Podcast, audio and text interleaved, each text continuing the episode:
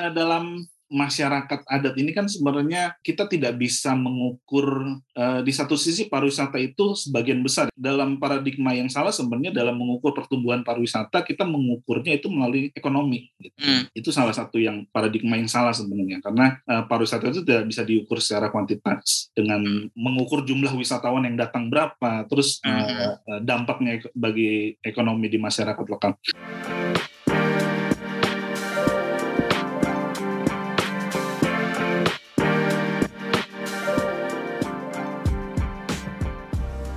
Hai sahabat TCID, kalian sedang mendengarkan podcast Suara Akademia. Ngobrol seru isu terkini bareng akademisi.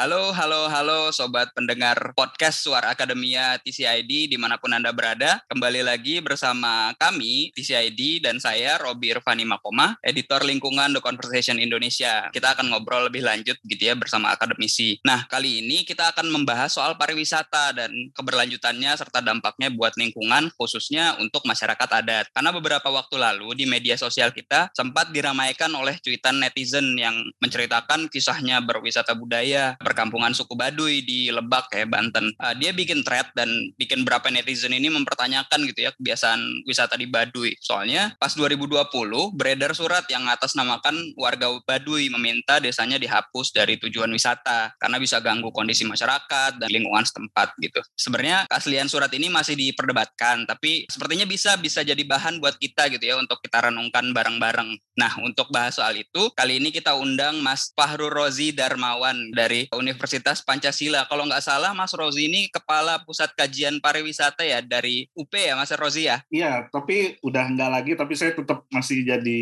salah satu peneliti di sana. Oh oke, okay. masih berkecimpung di dunia masih. pariwisata yang jelas ya? Baru selesai bulan lalu ini. oh oke, okay. tapi yang penting sepertinya masih sangat aktif begitu Mas Rozi ya. Apa kabar Mas? Saat ini sehat Mas ya? Alhamdulillah, uh, Mas Robi, apa kabar ya? Baik ya? Uh, baik, Alhamdulillah. Uh, semoga kita semua selalu sehat ya. ya. Oke. Okay. Terima kasih nah, ya undangannya nih ya. Siap Mas, apa pun untuk bisa bicara di sini. Siap, oke oke. Nah ini Mas Rozi nih, tadi Mas Rozi sudah dengar ya soal tanggapan soal surat dari warga di Baduy gitu. Nah gimana sih Mas tanggapan Mas Rozi soal surat dari Baduy itu soal suara dari masyarakat adat lah yang mungkin terdampak kegiatan pariwisata. Iya Mas Robi, tapi mungkin sebelumnya nih kita saya mau mengucapkan untuk selamat untuk kita semua nih. Jadi baru 24 Mei kemarin itu kan hmm? TTDI itu eh, hmm? World Economic Forum itu baru mengeluarkan rilis daya saing pariwisata secara okay. global. Oke. Okay. Kita naik dari 44 ke 32. Oh, oke oke oke oke. Wow, pencapaian itu ya? Itu kalau dari baca dari laporannya sih itu yang paling tertinggi gitu ya dari secara okay. global itu kita tertinggi. Tapi memang banyak lah itu kan hanya sekedar angka gitu ya. Tapi dalam teknisnya selama dua tahun belakang ini kan kita masih ini baru bangun tapi masih belum sadar betul gitu ya. Walaupun lagi tertidur tapi masih belum sadar benar. Udah bangun tapi belum sadar benar. Tapi memang masih banyak yang harus ya kita bersama untuk kita bangun lagi lah pariwisata ini terkait itu tadi Mas Robi ya. Jadi memang begini, yang menarik adalah bahwa saya mau mundur sedikit dulu okay. gitu. Dalam pariwisata itu kan sebenarnya walaupun tidak tertulis ya, sebenarnya itu adalah kita mengkonsumsi komoditas. Kalau misalnya kita di industri lain uh, komoditas seperti uh, minyak, emas, nikel, gitu ya ya dalam pariwisata itu kan sebenarnya komoditasnya adalah pemandangan alam, hmm, okay. kebudayaan, sejarah. Yang kita sebut daya tarik itu sebenarnya adalah komoditas. Tapi memang hmm. yang unik dari pariwisata adalah jika komoditas lain itu harga, ada harga pasarnya dalam tanda hmm. kutip gitu. Di pariwisata itu harga pasarnya ini gaib gitu. Harga pantai di di Bali sama di Anjar kenapa beda harganya? Itu kan okay. sesuatu yang susah nah, diukur gitu ya. Susah diukur gitu, susah okay. diukur. Nah, kalau kita berbicaranya sebenarnya pariwisata budaya. Nah, pariwisata budaya ini juga kan sebenarnya ada ethical issue juga gitu loh. Hmm, okay. Dalam tanda kutip kita mengkonsumsi komunitas itu. Hmm, mengkonsumsi komunitas gitu. itu ya menarik nah, nih termsnya. Iya. Gimana Mas? Itu kan mengkonsumsi dalam tanda kutip ya agak terdengar kasar gitu sebenarnya. Okay. Kita mengkonsumsi walaupun sebenarnya secara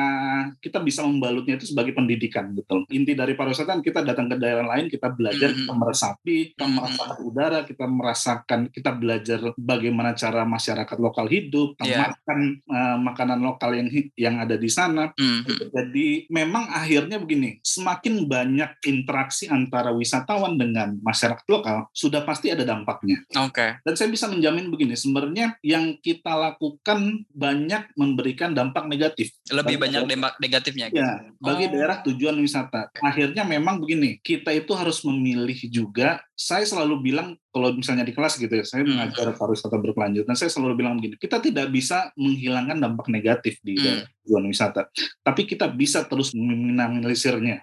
Oh, Oke, dikurangi gitu ya. Tapi dampak negatifnya itu apa aja sih, Mas? Kalau misalnya buat pariwisata budaya gitu, buat masyarakat setempat. Paling mudah dilihat dan paling mudah diukur adalah perubahan gaya hidup. Oke, ada contohnya nggak tuh kira-kira, Mas? Nggak ngomong-ngomong masyarakat adat dulu ya, Mas. Oke, oke, siap-siap. Masyarakat setempat gitu ya. Ya, masyarakat setempat dulu nih. Hmm. Kalau masyarakat adat mungkin bisa ditarik lagi aja karena lebih sensitif lagi kan sebenarnya masyarakat adat ya. Iya, kan? iya, iya. Kayak misalnya cara kita berbicara, tuh. Hmm, cara masyarakat lokal berbicara. Oke. Saya baru merilis tulisan di salah satu jurnal mengenai pemahaman masyarakat di Kepulauan Seribu terhadap pengembangan pariwisata. Hmm, Oke. Dalam 10 tahun terakhir, Hmm, karena pariwisata gitu ya, karena pariwisata itu sudah merubah eh, profesi dari masyarakat lokal. Hmm. 10 tahun lalu kita banyak melihat nelayan Oh, ya. dan hari ini sebagian besar itu udah berganti profesi menjadi pengusaha di bidang pariwisata. Ya sebagai macamnya lah. Hmm, Nah ini kan sebenarnya merubah struktur sosial juga sebenarnya. Oke. Iya, iya betul, betul. Kehidupan budaya-budaya yang dulu lebih mengarah ke pesisir ini kan cenderung lebih berubah gitu ya, lebih ke urban. Hmm, Mengelola hmm. homestay, terus Oh, oke. jadi pengusaha catering, terus Hmm. jadi tour guide. Itu kan Iya, iya, iya. sedikit merubah. Walaupun mungkin penghasilannya sama. Ini kan sekali lagi gara-gara pariwisata ini merubah gitu loh. Jadi Iya, juga betul, betul. Tapi saya nggak bisa bilang juga pariwisata itu justru malah memberikan dampak yang negatif ya. Mungkin pariwisata ini bisa menambah penghasilan dari misalnya tadi sebelumnya nelayan bisa dapat penghasilan lagi dari pariwisata. Nah, tapi Oke. yang yang sangat disayangkan adalah perubahan dari Struktur sosial itu ya. struktur kayak- sosialnya gitu. Iya ya. Tapi menarik sih Mas kalau misalnya struktur sosial berubah gitu ya. Misalnya kan di daerah-daerah yang dikunjungi wisatawan itu cenderung ya melayani kebutuhan para wisatawan gitu kan ya. Eh, untuk kebutuhan hidupnya dia melayani kebutuhan wisatawan lalu dapat duit gitu kan. Terus kalau misalnya wisatawan nggak ada karena pandemi, nah ini kan yang aspek keberlanjutannya ini gimana nih Mas? Iya, saya mau narik begini juga gitu ya. Jadi ketika kita yang harus kita pahami juga adalah bahwa pariwisata itu mengkonsumsi ruang. Hmm, oke. Jadi ketika kita berbicara masyarakat adat, kita berbicara juga tanah adat. Iya, betul. Artinya untuk menjaga masyarakat adat itu kita harus menjaga tanah adat. Iya. Nah ini agak sedikit dilematis memang sih sebenarnya. Ada ini sebenarnya salah satu subjek penelitian saya nih. Eh, oke. S3 saya kebetulan lagi Oh, oke. mengambil doktoral di UGM jadi eh, mengenai gentrifikasi pariwisata. Oh, oke. Kita tahu daerah tujuan wisata itu perkembangannya sangat cepat gitu. Hmm, Mungkin saya walaupun ini masih masih dalam pandangan saya pribadi ya, pendapat pribadi bahwa di Indonesia mungkin daerah tujuan wisata yang memiliki walaupun masih bentuknya potensi ya, masih bentuknya potensi, daerah-daerah yang indah yang bagus itu sudah tidak dimiliki masyarakat lokal. Oke, Eh, oke. Saya ke Lombok, saya ke Labuan Bajo, ke Belitung, bahkan di daerah yang terpencil pun sudah dimiliki oleh orang Jakarta katanya. Oh, Oke, atau orang luar negeri gitu ya. orang luar negeri gitu. Nah, eh, saya pikir begini di eh, dalam masyarakat adat ini kan sebenarnya kita tidak bisa mengukur eh, di satu sisi pariwisata itu sebagian besar ya sebagian juga Hmm. paradigma yang salah juga dalam paradigma yang salah sebenarnya dalam mengukur pertumbuhan pariwisata kita mengukurnya itu melalui ekonomi gitu. Hmm, itu salah satu yang paradigma yang salah sebenarnya karena eh, pariwisata itu tidak bisa diukur secara kuantitas dengan mengukur jumlah wisatawan yang datang berapa terus eh, dampaknya bagi ekonomi di masyarakat lokal. Saya pernah sedikit ada diskusi gitu dengan teman-teman mahasiswa. hmm, Menurut teman-teman nih di contoh tadi di Baduy gitu ya. Di hmm, Baduy itu secara ekonomi masyarakatnya miskin atau tidak gitu. hmm. Iya, iya, iya. Kalau kita pakai ukuran dari pemerintah gitu melalui kalau di BPS kan ada standar kemiskinan segala macam. Iya. Mereka digolongkan pada miskinan, tapi Betul. ketika kita mengukur faktor lain gitu, misalnya Hmm. indeks bahagiaannya, justru Hmm. mungkin lebih lebih lebih kaya dibandingkan di Tangerang Selatan atau di Tangerang gitu walaupun Iya, provinsi. Nah, artinya juga untuk membangun satu destinasi pariwisata yang berbasiskan kebudayaan gitu untuk di, Mhm. di masyarakat adat, kita tidak bisa juga mengukurnya itu dengan target jumlah kunjungan wisata Oke. dampak ekonominya bagi masyarakat lokal itu kita harus mengukur seberapa persen segala Hmm. itu tidak bisa juga gitu. Jadi memang ada faktor lain yang yang harus dalam tanda kutip difikirkan gitu ya. Oke, kayak kayak perubahan masyarakat itu gitu ya. Oke. Nah itu sebelum terukur gitu ya mas ya sampai sekarang. Sejauh ini ya, sejauh apa? Hmm. Sejauh penggalian saya di literatur itu yang Hmm. paling sulit adalah mengukur dampak sosial Hmm, Oke. terus kegiatan pariwisata itu paling sulit. Kalau misalnya alam itu kita bisa melihat, mengukur, ada patokannya, ada variabelnya itu mudah Hmm. gitu. Berapa kerusakannya, berapa tramplingnya, berapa banyak merusak lahan, segala macam itu bisa diukur. Tapi paling sulit adalah mengukur dampak sosial. Oke, oke, oke, betul juga. Nah, kita balik lagi ke masyarakat adat nih, Mas. Kalau misalnya mungkin tadi masyarakat pada umumnya gitu ya, struktur yang berubah gitu. Nah, masyarakat adat ini kan punya tanah adat, punya lembaga adat yang mungkin juga berbeda gitu dengan struktur pemerintahan di Indonesia gitu ya. Nah, kalau misalnya ini wisata masuk gitu, kira-kira ada dampaknya nggak sih ke faktor ke hal-hal itu gitu di masyarakat adat menurut Mas Rozi? Ini ya, memang kalau kalau dibilang berdampak kita pasti berdampak gitu. Hmm, oke. Tapi yang paling penting adalah begini, mengikut sertakan masyarakat Hmm, menjadi, oke. fak- menjadi aktor utama dalam uh, pengelolaan dan pengembangan dan perencanaan pariwisata itu menjadi hal yang mutlak Oke, betul, Iya, betul, nah. Betul. daerah yang sangat kuat kebudayaannya. Hmm, Atau bisa juga kita bilang pariwisata yang berbasiskan kepada masyarakat. hmm, oke. Artinya dalam mengelola pariwisata, mereka tahu apa batasannya. Iya, iya, iya, Kita betul. diberikan kepada masyarakat. Oke. dan masyarakat juga tahu oke mungkin keuntungan yang saya peroleh cukup sampai sini saya nggak nggak Hmm. nggak butuh juga gitu untuk untuk merubah rumah panggung saya untuk menjadi iya. rumah yang lebih mewah gitu Hmm, hmm, hmm. karena masyarakat yang tahu gitu Iya. Nah, terkadang memang kita sebagai wisatawan juga Hmm, hmm. sebagai wisatawan juga kadang-kadang memang suka ini ya suka dalam industri yang pariwisata ini yang sedang berkembang ini kadang-kadang suka salah gitu Hmm. bahkan kadang-kadang begini banyak kebijakan-kebijakan pemerintah gitu ya. saya mau Mhm. bilang begini nih saya sering diundang misalnya untuk pelatihan sadar wisata bagi masyarakat gitu. tapi sebenarnya masyarakat itu nggak perlu disadarkan yang disadarkan Oke. justru sebenarnya wisatawan gitu loh Kenapa tuh mas? kadang-kadang kita begini kita karena tadi yang saya bilang karena pariwisata itu sebagai komoditas ya Hmm, daya tarik yang kita miliki sebagai komoditas ketika kita sudah membeli hmm, hmm. jadi kita tuh Kita merasa memiliki gitu ya? kita bisa memiliki gitu loh Oke. saya Iya, iya, mau iya. lihat apa mau lihat apa saya pengen mengekstraksi gitu loh apa yang ada keindahan alam yang ada di dia merasa bebas-bebas saja tapi kan sebenarnya tidak bisa gitu yang tadi saya bilang balik lagi ada ethical issue juga gitu ketika kita mengkonsumsi budaya gitu Oke, Kita oke. tidak bisa serta-merta oke ini budaya saya pengen nonton gitu akhirnya menjadi komodifikasi gitu loh Hmm. Bagi masyarakat lokal ya menjadi komodifikasi akhirnya budaya-budaya itu dijadikan komoditas gitu oke Hmm, oke. jual aja nih kepada masyarakat mungkin masyarakat eh, sorry bagi wisatawan karena wisatawan ini senang gitu loh jadi nilai dasarnya dari Nilai budaya kulturalnya itu yang meng- yang tergerus gitu ya? Iya tergerus Oke, oke. Mungkin wujudnya masih tetap ada gitu ya? Mungkin tarian tertentu atau ritual tertentu, tapi nilai kulturalnya itu yang sudah ini ya? Ya, Oke, tapi saya tidak bisa menyalahkan juga ya, karena memang ya karena mungkin itu bisa lebih dalam lagi perbincangannya ya. Nah, di luar negeri pun gitu. Kalau kita berbicara Amerika budaya aslinya gitu, indigenousnya, Hmm, iya. seperti di India itu kan Indian sorry Indian itu kan kita udah nggak bisa nemuin lagi gitu tapi adanya ada di pusat-pusat budaya yang hanya melayani wisatawan gitu. Ya, betul, betul, betul. Kalau di Australia di Selandia Baru itu mungkin kita nyari kita mau nyari Orang-orang Maori gitu ya? nggak ada lagi tapi ada di pusat-pusat kebudayaan yang fungsinya itu untuk melestarikan Hmm. supaya masyarakat umum itu tahu gitu keaslian itu udah ya ini yang menarik di Indonesia sebenarnya kita masih bisa menemukan yang asli-asli ini tapi sekaligus juga semakin kita bersinggungan semakin kita memberikan dampak gitu. Iya, iya. Betul, betul. Wah, ini pelik juga ya. Nah, ini satu lagi nih, Mas. Ini kan biasanya pemerintah itu kalau misalnya pengen memajukan pariwisata, dia harus kayak ada bangun-bangun sesuatu gitu. Misalnya hotel-hotel gitu ya, atau terminal, atau mungkin pelabuhan gitu ya, yang mau memuat kapal besar kalau misalnya di pesisir gitu. Nah, infrastruktur-infrastruktur kayak gitu tuh gimana sih dampaknya buat masyarakat setempat gitu? mungkin saya narik sedikit ya sekarang kita tuh lagi ramai mengenai desa wisata Oke. juga Iya, sebenarnya iya, iya. bersinggungan dengan masyarakat karena di desa itu banyak yang Hmm, lebih cenderung masyarakat tadi itu tinggal di pedesaan. Nah, kita sering mengencarkan kita bangun infrastruktur untuk teknologi internet harus hmm, desa itu udah melek teknologi segala Ya. macam. Terus juga dalam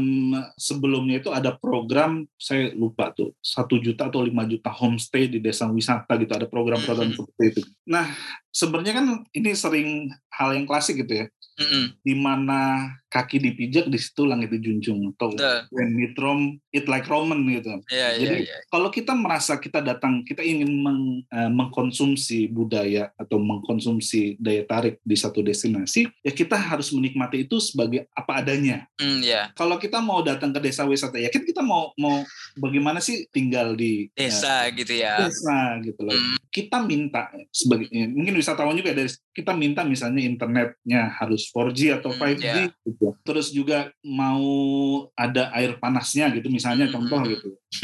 Atau toiletnya duduk bahkan yang toilet duduk aja itu kan itu kan uh, budaya di desa itu ya nggak ada mungkin ya. Iya, gitu. iya, iya, iya. Tapi mungkin kita tidak sadari gitu bahwa keinginan-keinginan itu itu yang merujuk pada kebijakan-kebijakan dari pemerintah Nah, oke. hanya standarisasi standarisasi itu yang harus bisa dinikmati oleh wisatawan. Hmm. Saya selalu bilang gitu ya untuk di daerah-daerah wisata yang yang berbasiskan masyarakat. Hmm. Jadi kita jangan membangun pariwisata, tapi membangun desa. Hmm. Kebutuhan masyarakat sudah terpenuhi, pariwisata itu adalah bonusnya gitu loh. Oke. Jadi kalau kita pengen membangun infrastruktur jangan karena wisatawan. Hmm. Kalau membangun jalan ini aksesibilitas untuk wisatawan atau ini internet untuk wisatawan. Tapi kita penuhi dulu kebutuhan dari masyarakat. Setelah itu mereka sejahtera, pariwisata ini bonus. Karena Iya, kalau enggak, kita dua tahun ini pelajaran Mas Robi. Iya. Kalau kita mengandalkan sektor pariwisata, Seperti Bali gitu ya. iya itu Oke. udah nah, kita nggak bisa inilah karena pariwisata itu salah satu industri yang sangat sensitif ya. Hmm. kenaikan harga minyak, wisatawan turun. Kasus Iya. terorisme, wisatawan turun. Jadi jangan terlalu mengandalkan sektor pariwisata. Iya, Apalagi bagi daerah-daerah yang perdesaan, yang Hmm. seperti masyarakat adat segala macam itu yang sangat-sangat sensitif gitu. Iya iya iya. Nah kalau di Baduy itu kan sebenarnya kalau ya dari yang aku lihat ya kebetulan aku belum pernah ke Baduy. Dia kan nggak nggak ada akses jalan nggak ada akses jalan gitu ya Ya. jalan kecil event gitu semuanya semuanya masih serba alami gitu. Yang saya baca juga kan sampai buang air besar pun pakai batu gitu misalnya eh, ininya nggak pakai sabun dan segala macem gitu. Nah kira-kira kalau itu sudah ada di masyarakat dan tidak diusik sama pemerintah, gimana caranya melestarikan hal-hal tersebut gitu kebiasaan-kebiasaan yang sebenarnya bagus gitu kan nggak pakai bahan kimia gitu. Iya, sebenarnya ini kita ini sekali lagi mungkin mungkin pendapat pribadi ya. Ya. Dan ini baru saya sedikit membayangkan gitu. ya. Mhm. Kalau kita kembali lagi kepada 10 atau 20 tahun lagi kita menggunakan biro perjalanan atau menggunakan guide Mhm. itu saya memprediksi itu akan mengurangi dampak negatif dari kegiatan pariwisata. Karena apa? Apalagi kita menggunakan masyarakat lokal ya, misalnya Hmm. Baduy. Mereka punya mungkin ya, mungkin harusnya punya kelompok pariwisata sendiri yang Mhm. mengatur wisatawan datang harus ditegaskan atau mungkin dikeraskan Ya, apa yang boleh dan apa yang tidak boleh. Ini jalurnya, keluar jalur ada hukum adatnya, membayar bla bla segala macam. Semakin itu kuat, pertama masyarakatnya semakin kuat Hmm. dari sektor ekonomi karena kan satu pintu gitu. Karena Iya, selama iya, ini mungkin ada travel dari luar ajak open trip. Nah, ini kan yang Iya. gitu yang itu yang lagi rame kayaknya tuh ya. Iya, iya, iya, iya. Yang saya baca juga di Baduy kan open trip gitu.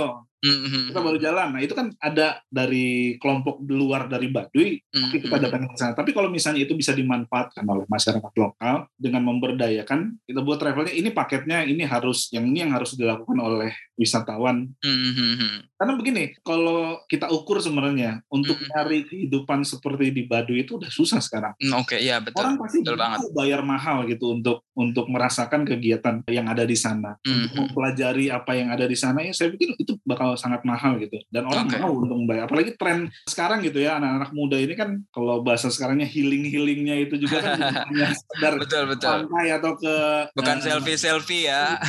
saya pernah di Kampung Naga nih di sana nggak ada listrik itu jadi satu pengalaman yang bagi Iya, wisatawan sekarang gitu ya bagi anak-anak muda sekarang itu itu satu hal yang mahal gitu harganya Iya. gitu. Karena biasanya semuanya ada tapi di Kampung Naga udah nggak ada Iya, betul, itu betul. jadi pengalaman-pengalaman dan orang mau bayar mahal seperti di Kampung Naga juga begitu Hmm. masyarakat kelompok adatnya yang Mhm. eh, mengelola pariwisatanya Oke. Jadi harus itu jadi barrier sebenarnya ya antara masyarakat adatnya gitu ya terus ada barrier yaitu tour guide gitu untuk menjaga jadi pembentuk peraturan lah buat wisatawan gitu ya iya yang sesuai benar. dengan karakter setempat gitu ya iya benar sekali Hmm, oke Jadi memang karena kan sekali lagi juga yang tahu adat istiadat itu kan masyarakat lokal. ya Kita sebagai wisatawan ya sebagai tamu sebenarnya, sebagai Mhm. tamu ya kita kan harus mengikuti gitu.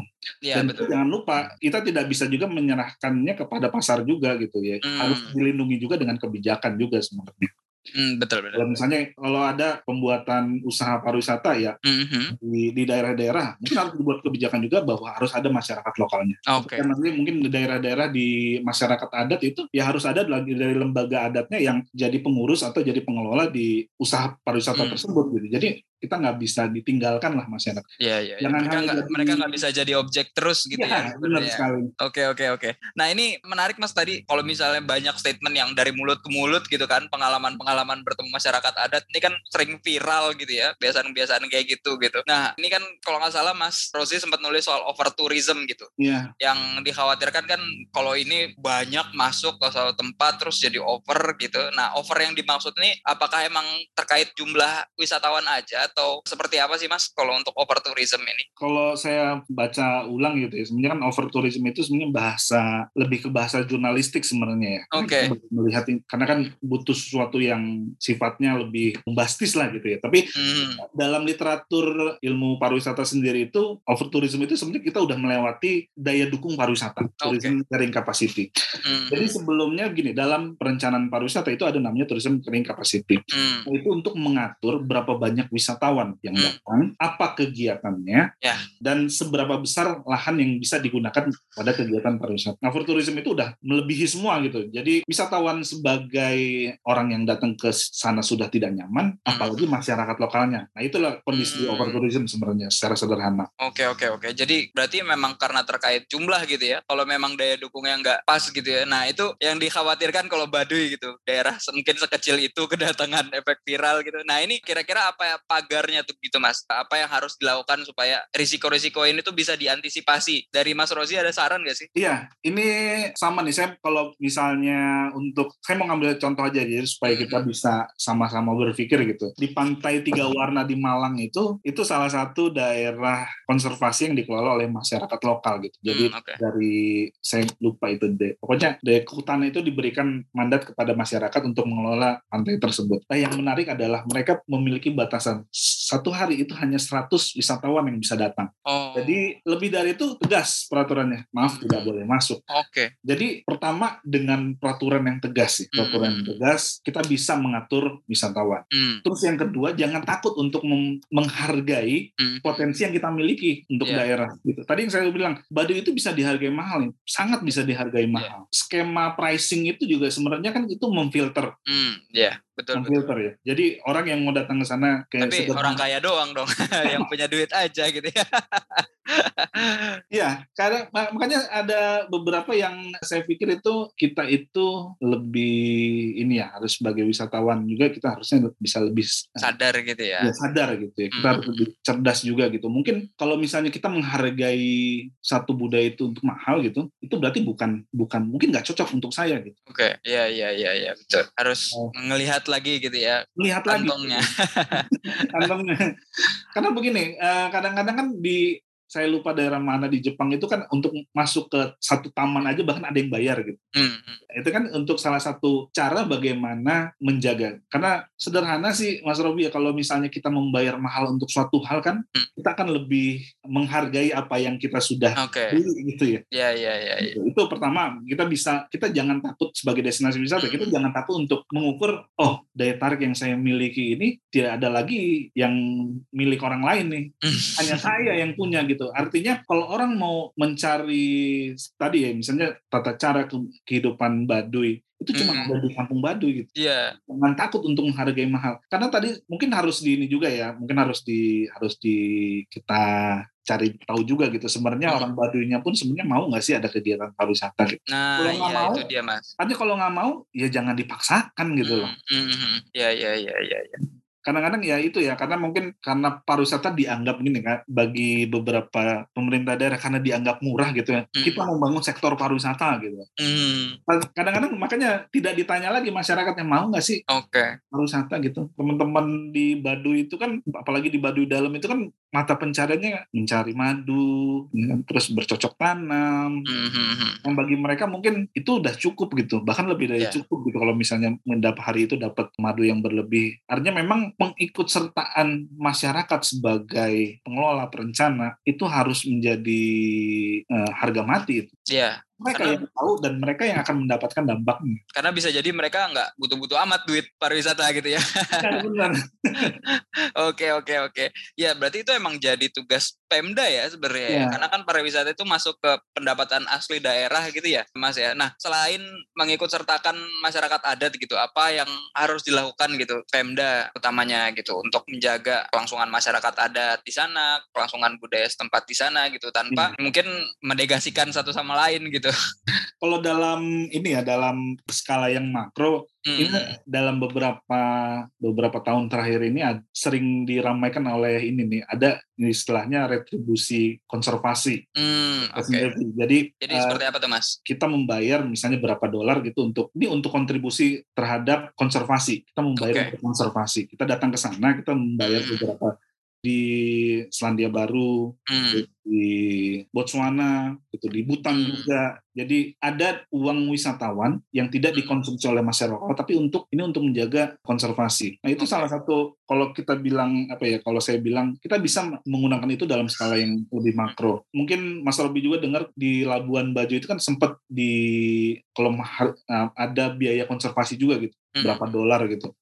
Nah itu sebenarnya salah satu bagaimana menjaga lingkungan. Konservasi itu kan bukan hanya mengenai lingkungan, tapi juga mengenai kebudayaan, Ya betul. istiadat. Itu bisa dialokasikan ke sana juga untuk Hmm. budayanya. Dan juga pemerintah harus memang proaktif juga gitu, proaktif Hmm. dalam mendengarkan aspirasi dari masyarakat. Oke. Kita harus sebagai sebagai mungkin sebagai pemerintah daerah itu yang paling riskan itu sebenarnya memang di sektor pariwisata itu di masyarakat. Hmm. Ya. Swasta itu mudah masuk Ya betul. swasta mudah masuk, swasta mudah eh, membangun sesuatu di Mhm. daerah tujuan wisata. Masyarakat itu memang harus ditempatkan dalam posisi yang ya mereka harus utama gitu, mereka harus utama. Artinya memang seperti beberapa contoh desa wisata yang di Yogyakarta ya, yang langganan kalau sering kita setiap tahun langganan desa wisata terbaik di ASEAN, nah, desa wisata terbaik di dunia gitu. Oke. Ada di Jogja itu. Gunung Kidul ya, gitu ya. Ya Gunung Kidul. Nah. Karena mereka ya akhirnya menyerahkan gitu ya. Pemerintah daerah itu menyerahkan kepada masyarakat. Oke. Silahkan dikelola segala macam pendapatannya juga diatur oleh BUMDes gitu atau Hmm. harus di sana itu untuk kembali lagi kepada masyarakat. Artinya memang jangan sifatnya tanpa perencanaan yang matang gitu. Jadi Hmm, oke. oke kita mendatangkan wisatawan targetnya segini tapi nggak tahu gitu. Ya, Sampai ke sana bagaimana caranya betul betul betul. membuat festival yang sifatnya tuh instan gitu. Jangan Oke. seperti itu. gitu. Oke, memang eh, festival itu bagus tapi untuk lebih sebagai promosi. Jadi jangan dijadikan satu tujuan utama gitu. Hmm, oke. Betul betul betul. Nah, ini memang apa masyarakatnya yang lagi-lagi harus dilibatkan gitu ya buat perencanaan itu buat di Pemda gitu ya. Nah, kalau misalnya di Banten gitu ya di Baduy kan sebenarnya sejak rame-rame yang di Baduy tahun 2020 itu kan belum kedengeran ya sebenarnya Pemda itu pernah mungkin survei lah di masyarakat atau nanya-nanya masyarakat. Nah, sebenarnya hal itu perlu nggak sih Mas eh, ngobrol langsung pemerintah daerah dengan eh, warga Baduy gitu ya, terutama Baduy dalam yang mungkin eh, sangat terganggu gitu. Karena kan mereka lebih ini ya, lebih ketat Sangat penting justru ya. Saya nggak tahu Hmm. bagaimana prosesnya juga di pemerintah lebak gitu ya. ya daerah sana gitu. Tapi sebagai sebenarnya orang yang atau sektor yang mem- memegang peranan gitu dalam membuat kebijakan harus turun langsung sebenarnya ke lapangan gitu ya, mendengar aspirasi dari masyarakat. Ya. dan dalam beberapa literatur juga dan ini sempat juga di, digaungkan juga di Indonesia gitu ada namanya Mhm. forum tata kelola destinasi pariwisata Oh. itu yang di dalamnya ada unsur pemerintah ada mhm. unsur swasta ada unsur masyarakat Ah, ah, ah. dan mereka memiliki level yang sejajar gitu Oke. ini membuka ruang komunikasi Mhm. kita harus bagaimana kita harus bagaimana apa yang harus dilakukan dalam dalam mengembangkan pariwisata dan ini kadang-kadang sebagian besar justru absen di destinasi wisata Oh. ada forum-forum seperti ini. Artinya kadang-kadang pemerintah daerah jalan sendiri. Kita pengen Iya. tahu ini ABC segala macam. Terus pem- eh, masyarakat pemerintah tuh ngapain sih?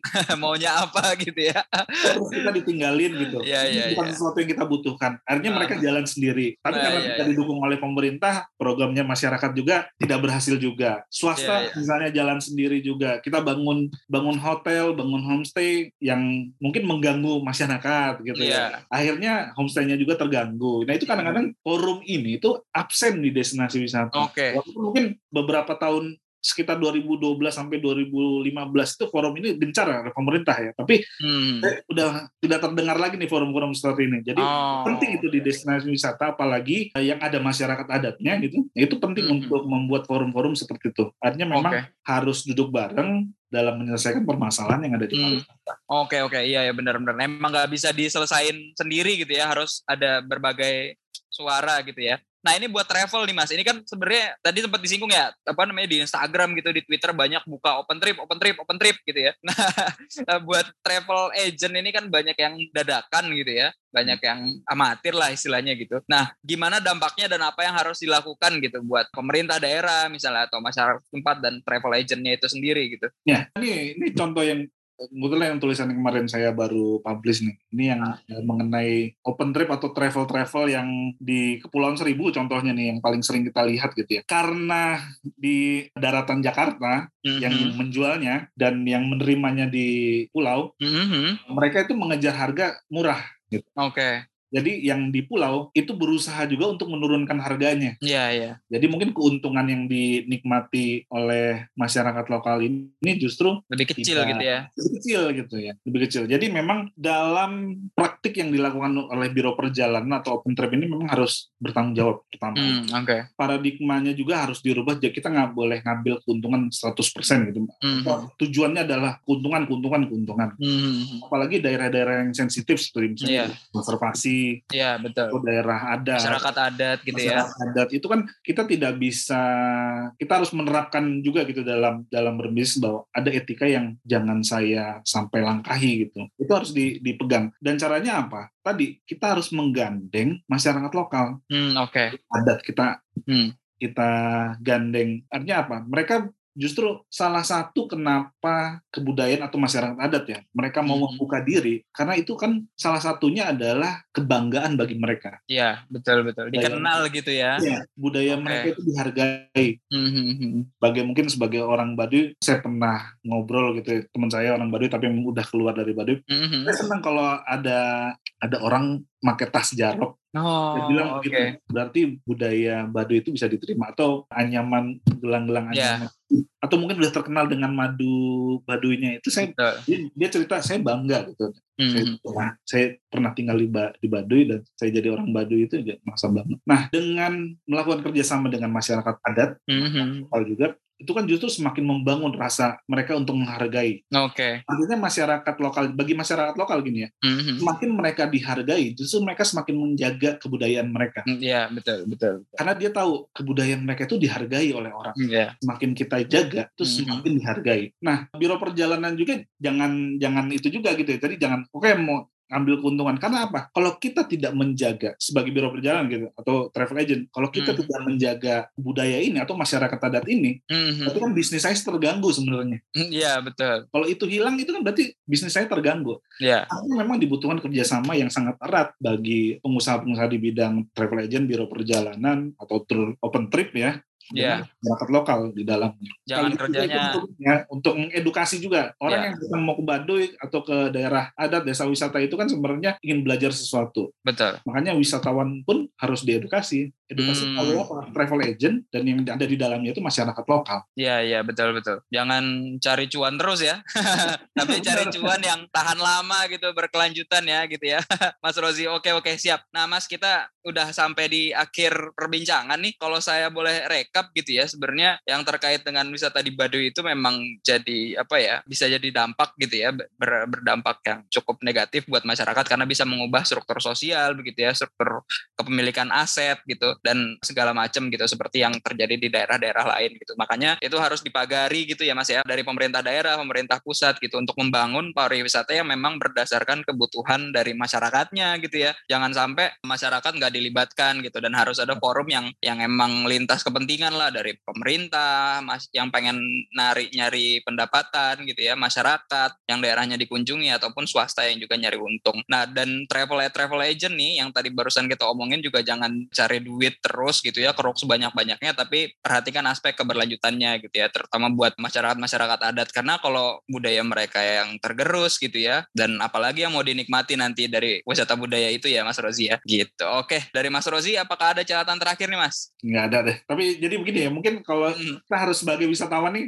sekali lagi saya mau betul betul betul wisatawannya nih kita harus lebih bertanggung jawab sebenarnya hmm. ada hmm. karena kita sebagai wisatawan pasti akan memberikan dampak yeah. bagi daerah yang kita datangi hmm. itu juga berbalik sebaliknya juga ya hmm. tempat yang kita datangi itu kan memberikan dampak bagi kita betul kita betul, betul. capek ber, uh, bekerja senin sampai jumat sabtu minggu kita pengen jalan-jalan hmm. kita datang ke sana kan kita mendapat manfaat dari daerah yeah. makanya semakin kita meminimalisir kerusakan dari sisi lingkungan maupun hmm budaya itu justru kita bisa mendapatkan keuntungan bagi diri kita sendiri sebagai wisatawan. Kita bisa datang terus ke sana. Ya, betul betul. betul. Kita harus lebih bertanggung jawab. Itu sih pesan saya bagi betul, betul, betul. kita sebagai wisatawan ya. Mengingatkan juga nih kadang-kadang saya juga suka lupa-lupa juga gitu.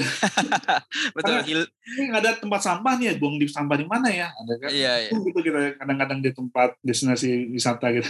betul betul. Healingnya jangan buat diri sendiri juga ya Mas ya. Jadi ya, emang benar. buat masyarakat sekitarnya gitu dan keberlanjutan lingkungan di sekitarnya. Oke kalau gitu Mas Rozi dari saya sudah cukup nih Mas terima kasih banyak atas kesempatannya begitu ya sudah bergabung Sama. Uh, di podcast Suara Akademia dan teman-teman jangan lupa untuk stay tune untuk episode Suara Akademia edisi berikutnya dan jangan lupa follow akun sosial media The Conversation Indonesia gitu ya dan Mas Fahru Rozi nih sepertinya punya akun media sosial nih Mas apa nih Mas akunnya nih Mas? Aduh saya nggak ada ya.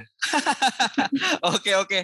Wah, ini hal yang langka nih Mas uh, untuk akun media sosial nih. Oke, kalau gitu. Terima kasih banyak sudah mendengarkan episode podcast Suara Akademia kali ini. Sampai jumpa dan salam lestari.